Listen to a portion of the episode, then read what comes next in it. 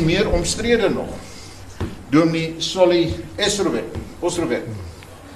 Die gebeure aan aanloop beweringe teen hom sy dood en toe gaan skryf die redakteur van Beeld uh Osrowet se dood laat my koud. En jy sal onthou die vorige keer wat daardie berugte woorde gebruik was was deur Jimmy Creer oor Steve Biko se dood wat hom koud laat. Dan nog 'n laaste voorbeeld van oorsee. Charlie Hebdo. Uh dit word gevier as 'n aanslag op persvryheid. Maar hoe sou ons gemiddelde neem dit aan lidmaat van 'n Christelike kerk reageer op die soort van spotprente wat oor Jesus gemaak sou word. Uh soos wat Charlie Hebdo oor Islam en uh Mohammed gedoen het. Uh sou ons dit ook as 'n uitdrukking van godsdienstvryheid beskou of sou ons dit as verwerplike godslastering klassifiseer? George, ons luister graag na jou. Net die formaat en slotte kollegas, asseblief, dis 'n informele gesprek. Ek en George gesels en u val in die rede, u beklei, u voeg u kommentaar by nes u wil te enige tyd. Steek net u hand op en stel u self net voor asseblief dat ons weet wie u is. George. Ja, baie dankie Andreas. Ehm um, as 'n klomp klomp beskuldigings teen die media wat ongelukkig waar is en ehm um, ons is almal media verbruikers in die wêreld van sosiale media vandag nog meer so. Ek wil nie 'n opname doen wie van julle 'n Twitter rekening het nie of op Facebook is nie. Maar julle is besig met die nuwe media. Julle is almal joernaliste op een of ander manier en dit skep allerlei nuwe verantwoordelikhede. Uh ek wil net vinnig vassteek by net vier basiese punte uh wat soort van as die die die pilare van van media etiek gereken word, die etiese kodes wat in die meeste media instellings wêreldwyd geld. Dit sluit groot televisiestasies ehm um, soos NBC, ABC en ehm um, die BBC in ons het terloops ons Organisation of News Ombudsman het in het in April ons jaarlikse konferensie hier in Kaapstad en hulle kom van van die hele dwars oor die wêreld die ombudsmense. Maar die vier basiese pilare waarop die etiese kode staan waar volgens ons hierdie goed moet meet wat Andreas nou hier genoem word, het is die eerste plek die dat joernaliste soek die waarheid en rapporteer daaroor so akkuraat as moontlik en ek wil die klem lê op akkuraat. Nie op kinderstories en gerugte en So die doel is om die demokratiese pilaar te vervul dat die, die dat die daai sogenaamde vierde stand wat die joernaliste is om dit te ondersteun en dat daar 'n vrye gesprek in die samelewing plaasvind oor Nkandla byvoorbeeld of oor die Van Breda moord of wat ook al maar dat die akkurate en korrekte feite in die samelewing daar gestel word. Die tweede punt is en dit bring jou my spesifiek by die van die punte wat jy genoem het uh beperk skade, minimaliseer skade. En dit is waar die media dikwels ongelukkig val. Ek kry geweldig baie klagtes. Ek is ombudsman van meer as 90 media 24 koerante wat strek van bo in KwaZulu-Natal al met die kus langs deur die Vrystaat, Mooival Media, Potchefstroom, tot die hele Weskus op. Media 24 en Caxton is in 'n groot persstryd betrokke. En ek kry daagliks klagtes oor baie keer onbenullige goed, maar baie keer oor mense wat voel daar was skade aan hulle aangedoen. En hulle wil nie hof toe gaan nie want gister het ons gehoor in die gesprek met uh, professor Gerard Lubbe die gemiddelde mens kan nie hof toe gaan, dit kos te veel. So waartoe wend jy jou dan? Uh so beperk skade. Die derde een is tree onafhanklik op.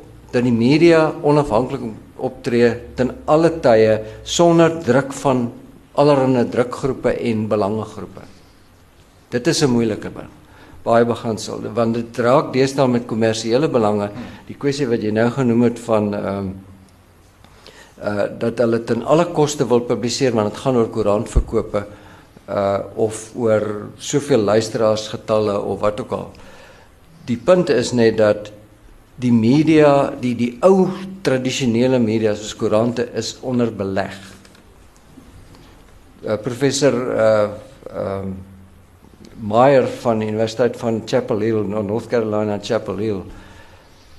'n Baie groot media-etikus het al so 10 jaar gelede voorspel die laaste koerant gaan sy deure toemaak in 2041, 2041. Baie spesifiek. Hy is baie spesifiek en mense hom daaroor genader en hy het nou hele formule daar gegee. Sommige mense sê nou dit gaan baie vroeër wees want hy het nie die sosiale media aangereken nie en die internet en die invloed van die internet. Maar die hele kwessie van tree onafhanklik op is 'n gewellige belangrike beginsel want dit kom daarop neer dat kommersiële belange mag nie gaan inmeng met redaksionele onafhanklikheid om 'n storie so getrou as moontlik kan weergee nie. Ons wat hier in Stellenbosch sit, daar's baie berigte stories en dit is is die waarheid. Uh ons wat self in die koerante was, gewêreld wêreld gewerk het, die druk wat uitgeoefen is deur 'n tabakmaatskappy, ek gaan nie sy naam noem nie, om nie te skryf oor die negatiewe effekte van rook nie en dat advertensies onttrek sou word. Daar's baie sulke voorbeelde. Die vierde punt is aanvaar aanspreeklikheid en tree verantwoordbaar op. En dis die belangrike beginsel wat die media ongelukkig die meeste kritiek op kry. Hulle kritiseer president Zuma, hulle kritiseer almal onder die son, van die rektor van die universiteit tot die polisie tot ons ons weet hoe ons is. Luister maar na RSG en luister na die talk radio Cape Talk, die mense wat inbel en hoe hulle kla. Ons is 'n volk van klaers, dink ek. Maar die moment as ons die media kritiseer, dan wil ons nie aanspreeklikheid aanvaar nie. Ons wil nie aan eie kritiek blootgestel word. En dit is een van die deel tipe werk wat ek doen dat jy om verskoning vra wanneer jy 'n fout gemaak het en dat jy dit baie prominent word nie so klein gedruk. Die nuwe regulasies Andreas van die van die Suid-Afrikaanse Persombudsman en die Broadcasting Complaints Commission is dat daardie wegkom kans wat die media gehad in die ou dae nie meer geld nie. Dit is jy prominent op die voorblad 'n skande aangevang met ook onakkurate dat die persombudsman vir jou kan sê om dit net so prominent op die voorblad te sit sê maar in 'n banner, 'n banier en dit aan te kon sê ons vra om verskoning ons die volgende fout gemaak. Daarom sê jy vind dat dikwels televisiestasies as hulle so fout gemaak het en hulle het opdrag gekry van die Broadcasting Complaints Committee, die Suid-Afrikaanse Uitsaai Klagte Kommissie, dat hulle aangesê word om dit wanneer hulle nuus begin dit in die eerste hooflyn en na die hooflyn afhandel is aan te kon sê ons het hierdie fout gemaak, ons hieroor gerapporteer en ons het 'n fout gemaak.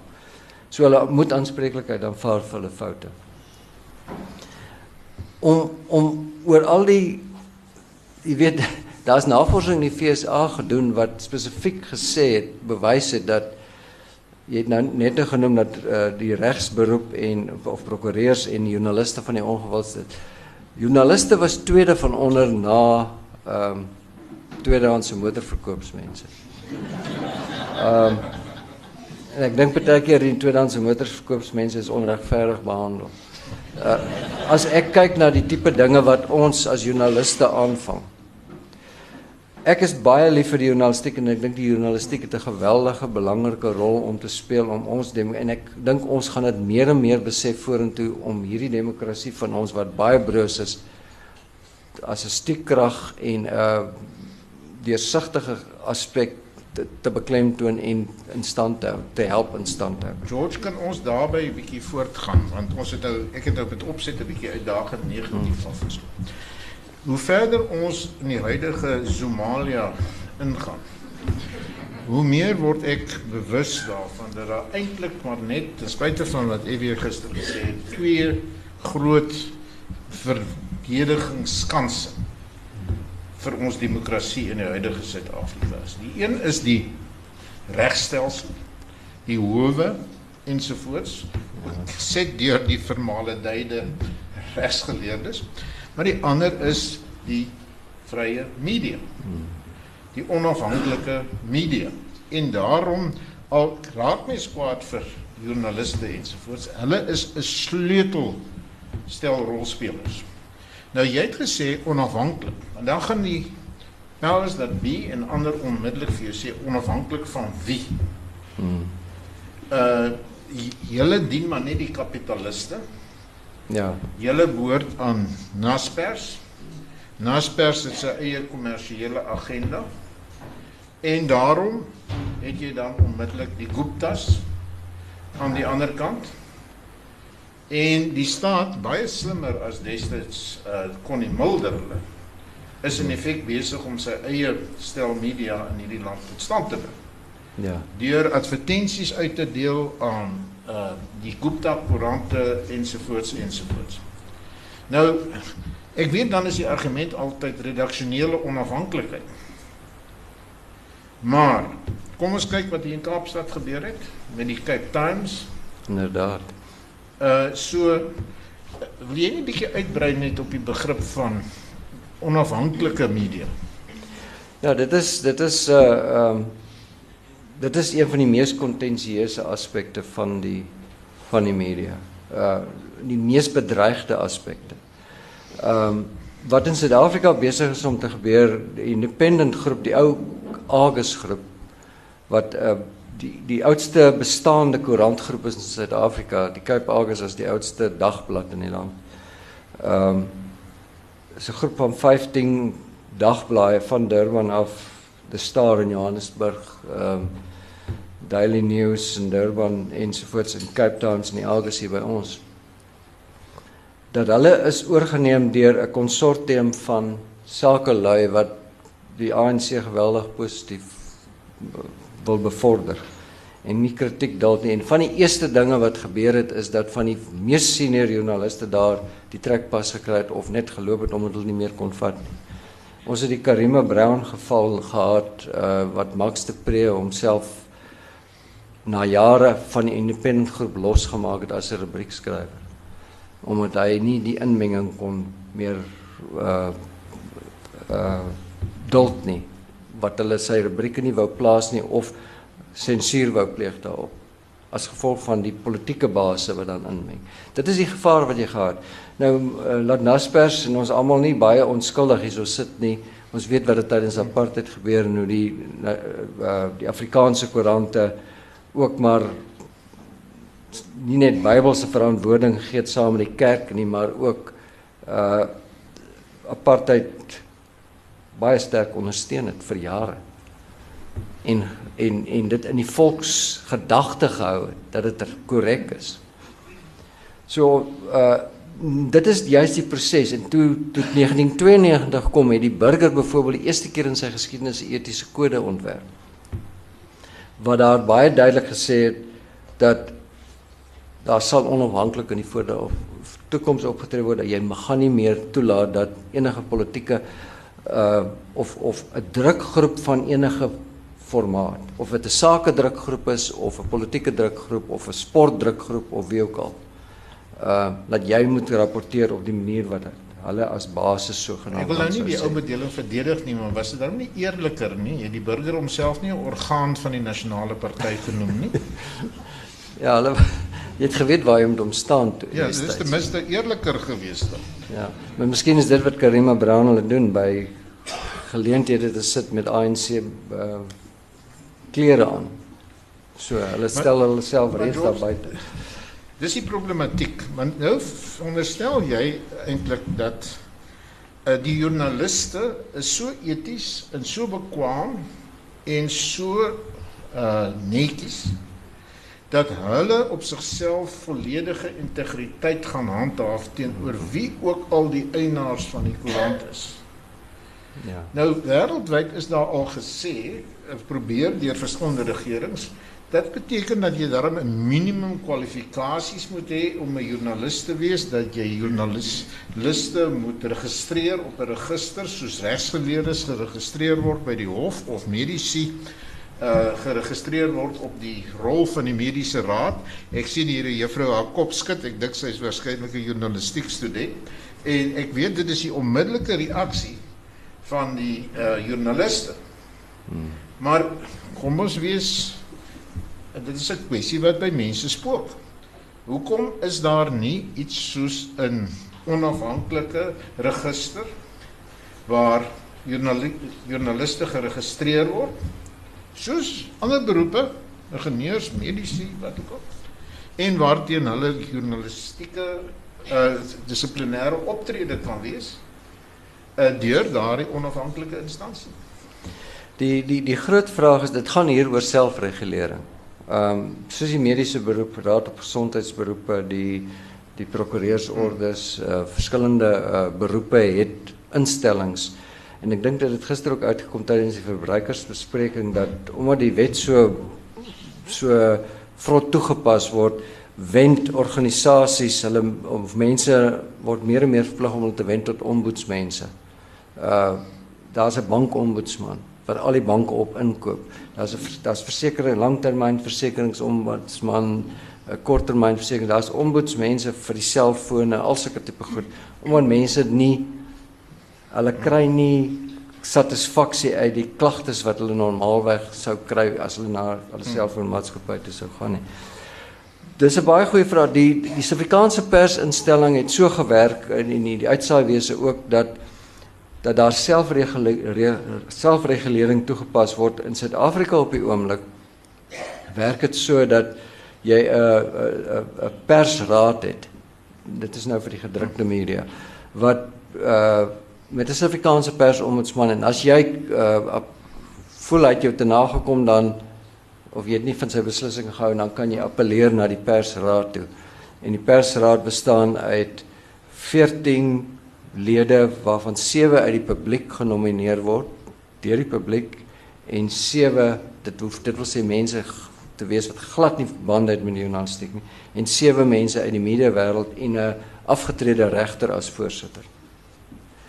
En ehm um, die, die eenvoudige antwoord is daar word ge, baie duidelik gesê dat as jy 'n uh, register het van van joernaliste en dit is 'n groot probleem. Ek wat staan in die opleiding van joernaliste en ek het verlede jaar 'n hele roete gedoen van KwaZulu-Natal af dwars deur tot bo al die koerante gaan opleiding gee. Want by die plattelandse koerante, die streekskoerante kry geweldige rou mense wat in die journalistiek om hulle het nie opleiding gehad nie, hulle het miskien 'n jaar kursus fly by night kursus geloop en gedink nou is hulle joernaliste. En ek vir sê die tipe klagtes wat ek kry en die arme redakteurs van daai koerante wat senior joernaliste is wat verskriklik hard werk wat omtrent nooit 'n dag in die week eens af is nie om daai streekskoerante uit te gee want hulle het gewoonlik twee hier kry jy Stellenbosch kry jy die die die die die Stellenbosch Gazette op 'n Dinsdag en dan nader aan die naweek kry jy die dat nuus waarvoor jy betaal. Een is gratis, die ander betaal jy vir. Die hele wêreld gaan na Knox and Drops. Na Knox and Drops toe. Uh maar die beginsel daar is daardie redakteurs om daai mense in stand te of te kry dat hulle die etiese beginsels kan begryp. En ek is jammer, navorsing het het, het, het oor see gewys dat deel van van ou nou, dit is nou die organisasie van nuusombudsman. Ons het navorsing gedoen onder al ons lede. En die resultaat was dat 90% van die redakteurs het aangedui dat hulle self nie hulle eie etiese kode ken nie en dat hulle redaksie dit hoegenaamd nie ken nie. So hoe maak jy? Dag tot dag rapporteer hulle oor goed sonder dat hulle hulle eie etiese kodes nakom. En die die die Suid-Afrikaanse persombudsman, die klagtes wat by hom beland, is het drievoudig toegeneem. Maar hoekom byvoorbeeld laas jaar in Engeland was die gedagte, goed, ons hou selfregulering, maar ons gee die selfregulering 'n statutêre basis. Ja. Dit sou dan geskied uh, deur 'n uh, koninklike oktrooi. Ja. Wat 'n vorm van wetgewing is in Engeland waar dan hierdie persraad 'n statutêre basis sou kry. Want dan was die argument dat jy 'n goeie balans. Hmm uh tussen noem dit in in behoorlike regulering en nie net sommer hierdie uh saf uh, sawe selfregulering. Nou as jy nou my eintlike gebied is maatskappye reg. Ek leer die studente van die King kode. Hmm. En die besigheidswêreld moet hulle hou aan die King kode ensovoorts. Nou ja, hoeveel van hulle hulle daaraan hou is 'n ander vraag. Nou die vraag is dit maar nie dieselfde vir die joernaliste nie. In 'n sekere sin ja, maar in 'n ander sin ook nie. Die die die die perskode is nie 'n sawwe perskode nie. Hy is hy's radikaal herskryf ongeveer 5 jaar gelede. Daar was daar was hulle het uh, sessies gehou landwyd waar hulle die publiek uitgenooi het om deel te neem. Ek het van die sessies bygewoon waar die Suid-Afrikaanse persombudsman en die persraad gaan sit dit en gaan luister dit na die publiek wat hulle wil hê in so 'n kode. En daai kode is drasties herskryf. Soveel so dat selfs die ANC regering daarop ingekoop het. En uh uh, hulle kla aanhoudend dat die dat die dat dat die persombudsman is tree nie mooi teen hulle op nie en gee hulle nooit gelyk nie, maar 60% van die gevalle wat die ANC gekla het oor die pers Suid-Afrikaanse persombudsman se beslissings is ten gunste van hulle besluit. So hulle hulle klagtes is eintlik nie geldig nie. Ek dink nie dis 'n sawe kode nie. Die kode word baie goed toegepas deesdae. Uh Kobus van Rooyen as regsgeleerde by die uitsaai klagte kommissie ook pas dit baie goed toe. Daar is 'n uh, daar word foute gemaak ja, maar daarom is daar 'n appelstelsel. Uh ek dink die groot vrees lê en dit is 'n baie diep gewortelde vrees wêreldwyd in die media dat jy 'n regering gaan kry wat jy nie kan voorspel watter regering dit gaan wees nie en dan sy vinger in die paai gaan hê en gaan probeer om die media te reguleer. Uh deur voorskrifklik te wees want wie gaan dan besluit wie mag geregistreer wees? En dit is dit is die dilemma in die journalistiek. Ons hier op Stellenbosch het 'n baie goeie journalistieke skool. Hy word as die beste in Afrika gereken. Uh het 'n UNESCO toekenning gekry daarvoor as een van die top 10 journalistieke skole in Afrika. Uh jy kan maar gaan kyk na die redakteurs wat dwars deur die land werk. Hulle kom almal uit hierdie journalistieke skool omtrent uit. Maar die die punt is net dit is nie oral so nie dan ek stem heeltemal daarmee saam dat as jy behoorlike as jy na 'n dokter toe gaan jy wil dat dan sal jy wil hê daai persoon met 'n behoorlike mediese opleiding gehad. Uh ek is self op die ander terrein op wetenskap journalistiek werk ek baie met kwaksalwery en uh, daar's baie kwaksalwers in die journalistiek ook ongelukkig. Nou George, uh, ons het nou gepraat oor moontlike remedies. Maar nou gaan die verdere argument wees natuurlik. Maar daai remedies is maar net 'n salfie na die tyd. Die skade is lankal gedoen. Uh deurdat 'n joernalis onverantwoordelik opgetree het, was voorblad berig en wat help dit nou om na die tyd bietjie getroos te word. Hmm. Nou kom ons vat nou 'n geval soos uh, Solly Osterweg. Of ek kan veral 'n tydskrif, die grootste Afrikaanse tydskrif in die wêreld, is nogal berig uh vir daardie soort van uh dinge. Dat hulle 'n groot uh uh opskrifte kom. Hmm. En wat het dit nou? En ek het nie vir Dominee Osserweg geken nie. Ek kan my nie oor die meriete van die saak uitspreek nie. Maar vat 'n bietjie so geval. Uh is daar enige remedie? Die die groot dilemma in daardie geval is ehm um, is dat klagtes het van die klaas wat uitgekom het was aanvanklik anoniem en toe die geweld kom dat hulle anoniem is en hoe kan jy dit dan vertrou het hulle op rekord gegaan van wat met hulle sou gebeur het of hmm. na bewering gebeur het. Uh dan moes die huisgenoot gepubliseer het as dit anonieme klaar was. Ehm um, ja die, die hele kwessie van anonimiteit is 'n baie kontensieuse storie. Hmm. Ehm um, die Watergate skandaal is aanvanklik oopgemaak as gevolg van 'n anonieme bron wat net die redakteur uh Ben Bradley en die twee joernaliste en nog eens ander senior redakteur geweet het wie is Deep Throat. Wat toe later uitgekom het hy was tweede in bevel by die FBI. Um so jy moet met baie baie groot omsigtigheid en dis 'n ding ons het in ons etiese kode vir hierdie Media 24 koerante het ek 'n hele stuk geskryf oor hoe hanteer jy anonieme bronne? En hoekom jy uiters versigtig moet wees vir anonieme bronne? Hoekom na die burger is omtrent die enigste koerant wat ek ken in die wêreld anonieme briewe in sy briewe kolomme toe. Wel, ek is nie meer ek, daar nie. Ek, ek, ek lees baie koerante elke dag op die internet in baie verskillende tale. Ja. Ek ken nie een wat anonieme briewe toelaat. Ek was 8 jaar lank die burger se ombudsman en ek het baie baie streng uh beginsel neergelê as 'n ombudsman wat ek gesê het jy kan nie 'n anonieme brief publiseer wat iemand anders persoonlik aanval nie. Uh daar was 'n baie hoog aangeskrewe dosent aan hierdie universiteit wat tydens die Afrikaanse veldtog lasterlike goed onder anonieme op 'n anonieme manier aan die burger gestuur en dan sy kwaad daaroor as ons dit nie wil publiseer nie en toe lê 'n klagte by my. Toe sê ek vir 'n professor, jy val mense persoonlik aan, jy wil dit anoniem doen. Jy kan nie dit doen nie. Gaan op rekord wie jy is en jy mag nie mense persoonlik. Die burger sal aanspreeklik gehou word vir laster. Latynse skuilnaam, nê? Nee. Ja, Latynse skuilnaam, inderdaad. uh maar net om terug te kom die kwessie van anonimiteit. Jy weet daar was 'n interessante ding wat gebeur het tydens Watergate. En dit is dat uh uh uh Nixon se withuis het soveel druk uitgeoefen op um, Ben Bradley in die Washington Post, Catherine Graham as as uitgewer van die Washington Post dat dat Ben Bradley in 'n stadium vir Woodward en Bernstein die 2 Junie, onthou hulle was junior joernaliste in daai stadium. Vir hulle gesê het tensy julle dit wat Deep Throat vir julle sê en voer in daai parkeergarage. Die inligting wat hy vir julle voer. Dis sy julle dit bevestig kan kry uit ander bronne, gaan ons dit nie verder publiseer nie. En dit is die belangrike beginsel wanneer dit kom by anonieme bronne dat jy moet gaan seker maak, jy moet gaan verifieer dat daai bronne iemand anders kan dieselfde het is bereid om op rekord te gaan en dit te sê.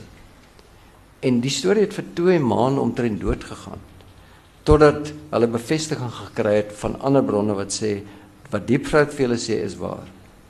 En dit het gelei tot die val van Nixon. So uh, dit is nie dat mens net na willekeur kan voortgaan en dit doen nie. Uh, maar dit gebeur ongelukkig. Dis een van die swak punte van die journalistiek wat uh jy dink as iemand anoniem is dan kan jy dit maar publiseer want dit, dit klink so lekker. Ja, vir my die probleem is veral dan die dit kry die kleurtjie. Hulle doen dit met die huisgenoot, kom ons wees nou maar op die punt af, omdat hulle gaan kopieë verkoop. Dominee Osserwek was nou 'n bekende, beminde persoon in in in in baie Afrikaanse kringe. Nou is hier 'n lekker stink storie, ekskuus. En as as daar net een ou was wat kom klaar, ek vra dit groot moontlik dat hy dit gedoen het. Maar ek probeer net die etiese aspekte daarvan uitspreek. Ja, op die ouene daar vier mense ja. toe uitgekom. So dit baie keer kry jy hierdie soort van kettingreaksies. Een persoon bereid is. Ek dink dis wat besig met die met die Jimmy Savile saak in ja. in Engeland. En al daai soort van sake, baie van die goed kom nou uit. Ek hoor vanoggend op RSG uh celebrities goeie naam is Glansgans. Glans. So die Glansganse. Ek hou daarvan. Uh, iemand het dit voorgestel. Willem Willem Botha hulle dit toe as die wenner aangebied. Maar glansgaan se se se se se kwesbaarheid het skielik of skielik word hulle wêreld oopgemaak want hulle mense betower sogenaamd met hulle seksualiteit ensovoorts. Nee, uh, maar maar Andreus kan ek terugkom na 'n ander punt toe? En dit het bring terug by die hoe die verantwoordelikheid nou verander het in Suid-Afrika. Wêreldwyd eintlik want ons sit nou met sosiale media. Eintlik moet die hele regs skrywingsproses is besig om plaas vind om die sosiale media te akkommodeer, die internet te akkommodeer. Want in die ou dae, as jy vandag in die Burger of in die Cape Times 'n bewering maak wat lasterlik is. Sê maar die Osterwets beweringe was lasterlik, ons kan dit nie nou jy kan nie 'n dooie belaster meer nie, maar hy het toe nog geleef. Ja. Sê nou dit was lasterlik. Ehm um, sou jy in die ou dae die koerant, die drukker, die uitgewer so as dit die burger sou gewees het, sou jy die burger kon dagvaar, die burger se redakteur, die uitgewer van die burger wat Media 24 is, Naspers wat die groot basis van Media 24 en sê maar enige joernalis in die redakteur se naam staan, sê maar die Parel Pos of Parel Drukpers het 'n koerant gedruk. Sê maar dis die Parel Pos of die Elke Stad nuus wat deur die Parel Drukpers gedruk word dan kan daai drukker ook gedagvaar word. Maar nou, wat doen ons met die sosiale media? Iemand sê iets lasterlik op Facebook van jou of op Twitter of op Instagram plaas hulle 'n foto of wat ook al. En hoe hanteer jy dit? Dat ek net 'n bietjie as agtergrond gee kollegas. Uh daar is al verskillende kere op verskillende plekke in die wêreld, die westerse wêreld, deur die howe beslis byvoorbeeld dat Google is net 'n boodskapper. Hmm. Uh die feit dat Google uh byvoorbeeld uh jou 'n uh, koppel as man wat Google aan 'n lasterlike bewering oor iemand en Google dus in effek help om daardie beweringe bekend te maak. Nee, die verspreiding. Dat dit nie Google aanspreeklik maak. Want Google is net 'n boodskapper.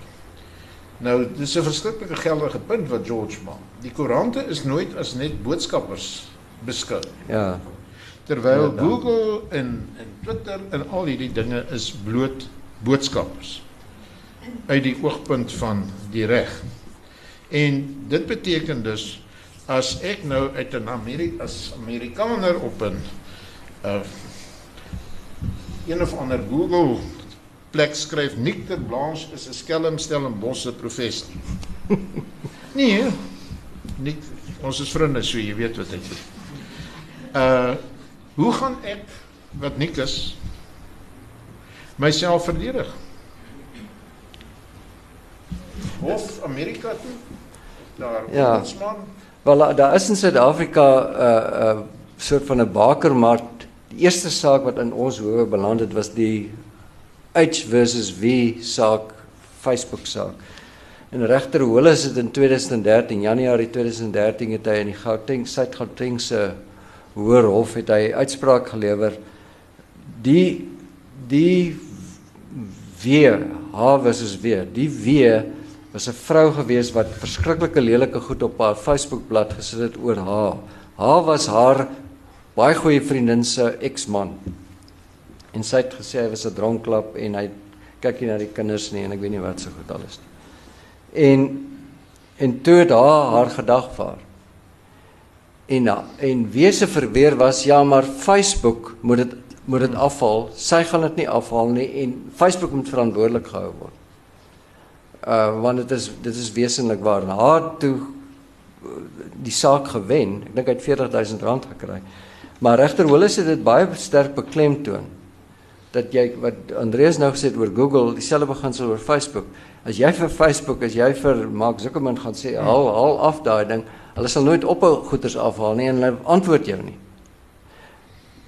Die regter Hollis se uitspraak was Uh, jy kan nie Facebook en Twitter dwing om lasterlike dele te verwyder nie. Jy die persoon wat dit gesê het, moet dit self verwyder.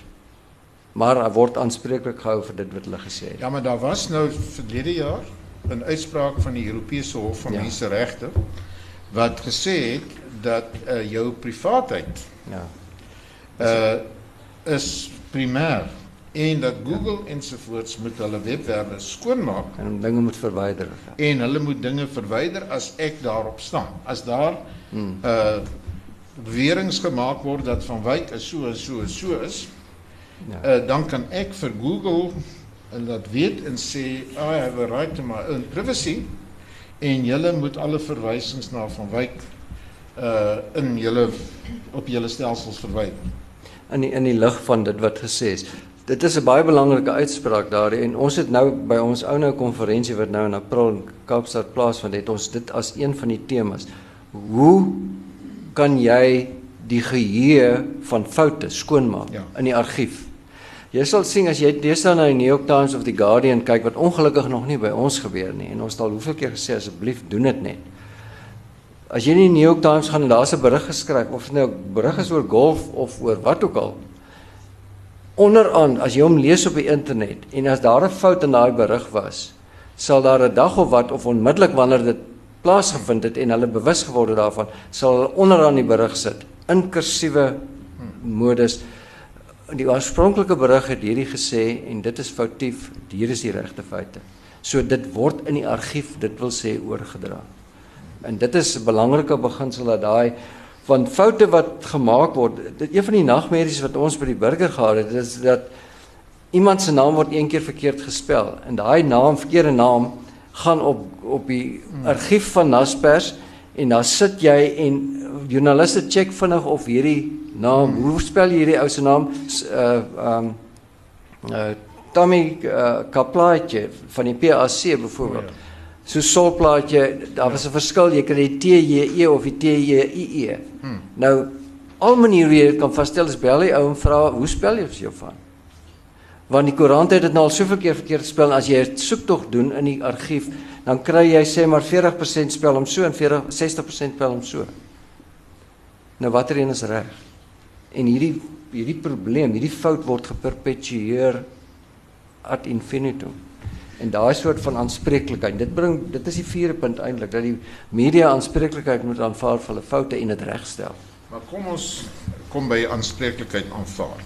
Seker een van die aardigste insidente die afgelope paar maande was die aanval op die redaksionele kantore van die satiriese tydskrif eh, Charlie Hebdo in in Parys.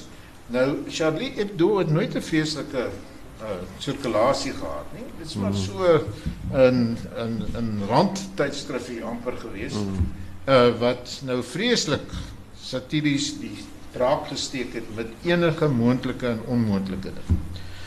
En ook op gegaan het op terreine waar mense, joernaliste normaalweg nie sou gaan nie. Want hulle het gesê persvryheid is absoluut. En ons sal die Franse president met sy swart lakleer skoentjies op sy prompponie wys waar hy in die nag weggesluip het na sy nuutste minnares, jy weet hy het 'n man van vele talente, uh, uh Julie Gayet gaan besoek het en die joernaliste het hom uitgeken as sy swart lakleer skoentjies.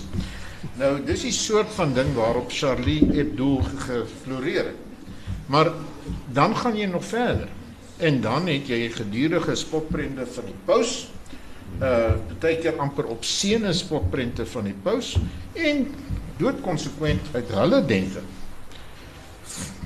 uh spotprente van Mohammed. Nou daar is omstredenheid in die Islam oor die vraag of uitbeeldings van mense werklik verbode is. Maar die heersende en in elk geval die ekstreme standpunt is jy mag die profeet glad nie uitbeeld nie en jy mag nie enige afbeelding van mense maak daarom nou die beelde wat vernietig word in uh, Mosul en al sulke tipe plekke. Nou George kan is dit verantwoordelik van Charlie Hebdo om die hele Frankryk in 'n staat van noodtoestand te plaas wel wetende dat daar 'n reaksie gaan wees van ekstremistiese uh islam aanhangers en die hele land in effek in gevaar gestel. Vergeet daarvan of hmm. hulle dit nou uh 'n fyn maniertjies moet hê. Maar is dit nie totaal onverantwoordelik? Jy oh. weet, jy gaan die Franse staat, die Franse volk blootstel hmm. Ongelooflike aanslae in gevaar. Ja. Ek het ek het 'n broertjie dood aan sensuur en selfsensuur, maar die punt is ek wil liewerste klem daarop lê dat jy verantwoordelik moet wees. En dat jy deel van verantwoordelikheid is dat jy respek moet toon. Dat dat jou medemens dat daar op 'n manier respek moet toon. Ek sê nie mense moet respek in alle koste kry of ten, ten alle hulle moet altyd respek hê nie. As mense verkeerd optree dan is daai respek ons weet daar is die ou spreekwoord respek moet verdien word. Ehm uh, maar ook met die met die Deense spotprente hmm. destyds van Mohammed en, en Charlie Hebdo. Dit was dit is dit is deel van die vryheid van spraak om satiries om te gaan uh, ek onthou as 'n jong verslaggewer destyds toe G Joseph and the Amazing Technicolor Dreamcoat het ek vir beeld in Pretoria gewerk. Toe wou hulle die vertoning daar in die uh truck het dit gehou in die aula op Tikkie se kampus. En toe ons inry Daar was 'n hele protesaksie van Christene wat gesê het maar Christus ag uh, die Bybelse verhaal mag nie so vertel word nie. Dit kom baie neer op die Charlie Hebdo tipe satire. Uh Josef mag nie sing nie en ja. jy weet al daai soort van goed van van van uh van uh die teater as sodanig. Ja. En en daar's pamflette by die by die hekke uitgedeel en gesê moenie hierdie show gaan sien nie en die soort van goed. So nee, ek ek dink die media moet baie meer verantwoordelik is en baie versigtiger wees. Dit die pen is magtiger as die swaard en wat die die, die reaksie teen Charlie Hebdo was was uiters heeltemal te ver gegaan. Maar dit is dit is dit is mens moet 10 keer dink voor jy net eenvoudig instorm en publiseer. Ja. Ons begin nou teen die einde word. Asseblief, ek daar agter is die eerste handjie. Uh, wil jy jouself nie net voorstel nie? Ja, Johan Tron. Ek uh, swem twee modderpoele. Ek is 'n prokureur. En ek is by afgelope 15 jaar media 24 die burger ek in George werk saam. En jy sit op universiteit se raad so. Uh, ons liefde dan 'n ander poel. Ja, Johan het ons Johan het ons al baie uit die moeilikheid uit gehelp. Ek het uh, die onderwerp is mag die pers sê wat hulle wil, maar wat ek hoor die aanklag sê ek en George deel 'n konservatiewe siening teen ons die pers, maar ek dink dit is vir perspektief. Moet ons tog die twee belange wat die grondwet oor. Hmm. Fundeer reg tot vryheid van spraak en dan die reg op die individu om gerespekteer te word. Hmm. Dit nou baie klein gelê op die smetterigheid van die hmm. van die pers. Maar ek dink ons moet dit in balans sien. Tot die mate dat ek 'n aversie in Barbie en Ken het wat 'n chauvinistiese hmm. ek ons kan uitbrei oor die hmm. die, die beskuldig die pers van dieselfde, maar ek dink die balans is daar in dat sou daar nie koerante verkoop word Ek wil net teruggaan na die willekind wat ons wat ek en George moes tyd bestuur die son voor ons vang net die dagvaardings ons word nie om advies gevra nie. Maar sonder sonder om elitisties te klink, het dit tog in daardie gemeenskap as jy met die mense gesels 'n bewustheid gekweek. So daar's daar moet 'n balans. Dis Ingo Capraro se argument altyd gewees. Ingo Capraro, die stigter ja, van die son. Wel, hy het die koerant gestig, so ek moet seker dat verder. So ten opsigte van die Ons het hier aangedui hoe die pers onder druk is. So die die finansiëel dit wat bereik word, die die die die die ondersoekende journalistiek wat gedoen word. Die feit dat die huisgenoot verkoop as ons kyk waar die huisgenoot was 50 jaar terug waar hy nou is. Is maar net 'n spieël vir die samelewing wat terugweerkaats. Hy sou nie in die formaat gewees het nou. Die insig tydskrif het verdwyn en niemand wou die insig tydskrif koop. Ek dink ons net na die balans kyk, die pers mag daar wel smetterig voorkom, maar dit is dan nou ongelukkig om in te tap in ons samelewing se smetterige uit waar ons tans onsself bevind. Ek wil my nie verkeerd verstaan nie. Ek is 'n gefrustreerde joernalis. Ek wou self graag daar gewees het. Ek het maar ander paadjies geloop. Ek is 'n groot vriend van die van die pers maar dis die argumente wat mense hoor uh in die volksmond en dan kry jy gevalle so Charlie Hebdo uh wat vir my nogal 'n moeilike vraag is. Ja, my naam is Koos Togberg.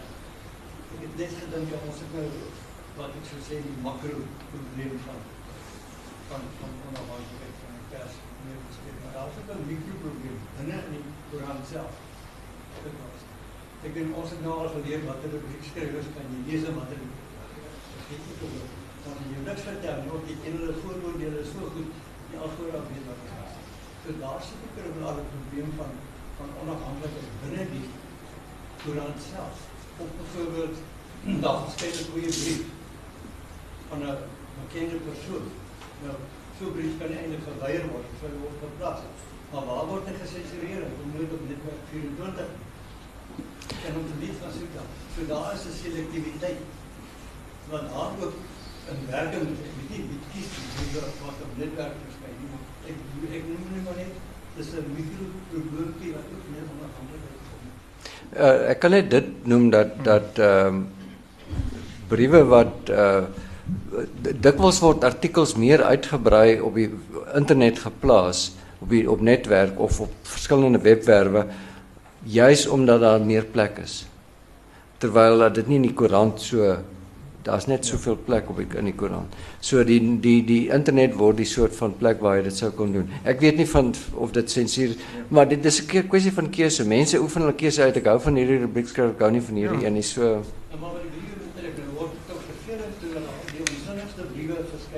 Ja, is vir u onsinnig. Dit ekskuus, nou wil ek vir George in die in die bresse tree. Dit is vir u onsinnig. Maar is dit noodwendig vir ander mense onsinnig? Ja, maar maar 'n sinnige brief wat nie onsinnig is nie, wat wat wat as jy Maar weer eens vir u sinnig. Ja. Maar ek het daarom sekere maatstaf. Ek het ek is ook al die mense. Ja, nee nee nee. Al wat ek Dis stryd van keuse. Waarvan jy hou en waarvan jy nie hou nie. Ja, maar dit is so een. Net kwessie van as jy Ah, van jou nie, hou nie na om die kwessie van onafhanklikheid van die pers te gedra. Ek dink nie so nie. Ek dink nie die pers onafhanklik kom en gedra nie. Pers probeer vir 'n baie wye korps van lesers voorsiening maak. Daarom sal jy uh, op 'n maandag 'n heep tipe ding kry wat vir kinders die jeug is en jy sal op ander dae Vrydag is jou vermaaklike. Jy het verskillende dinge uh, by was altyd die ernstige publikasie op 'n Saterdag wat ongelukkig gesneuwel het. Uh of soort van gesneuwel het. En jy baie mense het nie daarvan gehou nie want dit is vir hulle te ernstig geweest. Ander mense was mal daaroor. Dis kom die vingertjies ekskuus word daarvan agteraf gewys dat ons tyd verby is. Ek gaan nog een vraag toelaat. Een opmerking, een knippel in die hoenderhok toelaat. Dan gaan ek maar die knippel gooi. Is godslastering vandag nog behoort dit 'n misdaad te wees? Dit is by ons tegnies op die wetboek nog. En daar sou jy byvoorbeeld kon kry dat 'n redakteur van 'n Charlie Hebdo in Suid-Afrika byvoorbeeld vervolg sou kon word. Uh weens godslasterling is bietjie onduidelik in die nuwe Suid-Afrika of dit nou net die Christelike God is. En of dit ander gode ook sou insluit. Maar behoort daar so 'n misdaad te wees? Nee, ek ek persoonlik dink nie so nie want ek dink uh, daar's soveel gode in die wêreld. Ek was onlangs in Indië en daar's 'n magdom gode. En uh, ek ek dink nie religie moet 'n spesiale beskerming kry nie. Uh uh pers moet nie 'n spesiale beskerming kry nie. Ons moet ons moet uh, versigtig wees om so sensitief te wees as daar kritiek teen ons uitgespreek word. Ek praat nie van die satire wat nou hier by Charlie Hebdo van nie, maar dat mens mens uh, ons 'n bietjie dikker velle ontwikkel. Uh as jy tog aan 'n ding glo dan hoef jy nie elke keer Ek praat net na aanleiding van 'n brief in vanoggend se burger oor hierdie fees toneelstuk Dogma wat nou opgevoer word in die Attie van Wyk auditorium in die kweekskool en die briefskrywer is verskriklik opstandig omdat dit juis in die kweekskool se kuratorium is, so auditorium is wat hierdie stuk opgevoer word met swetserye en vloekerye en, en seksuele konnotasies en goed. Uh stem jy saam, George? Wel, is die markplein daar buite. Kollegas, nog enige opmerkings? Ek wil net sê baie dankie. Julle kon 'n bietjie 'n bietjie 'n lewendiger gehoor gewees het. Ek het verwag dat die joernaliste 'n bietjie meer gaan inspring, maar George, baie dankie aan jou. Baie dankie. Uh ek dink dit was 'n besonder uh interessant. Baie dankie.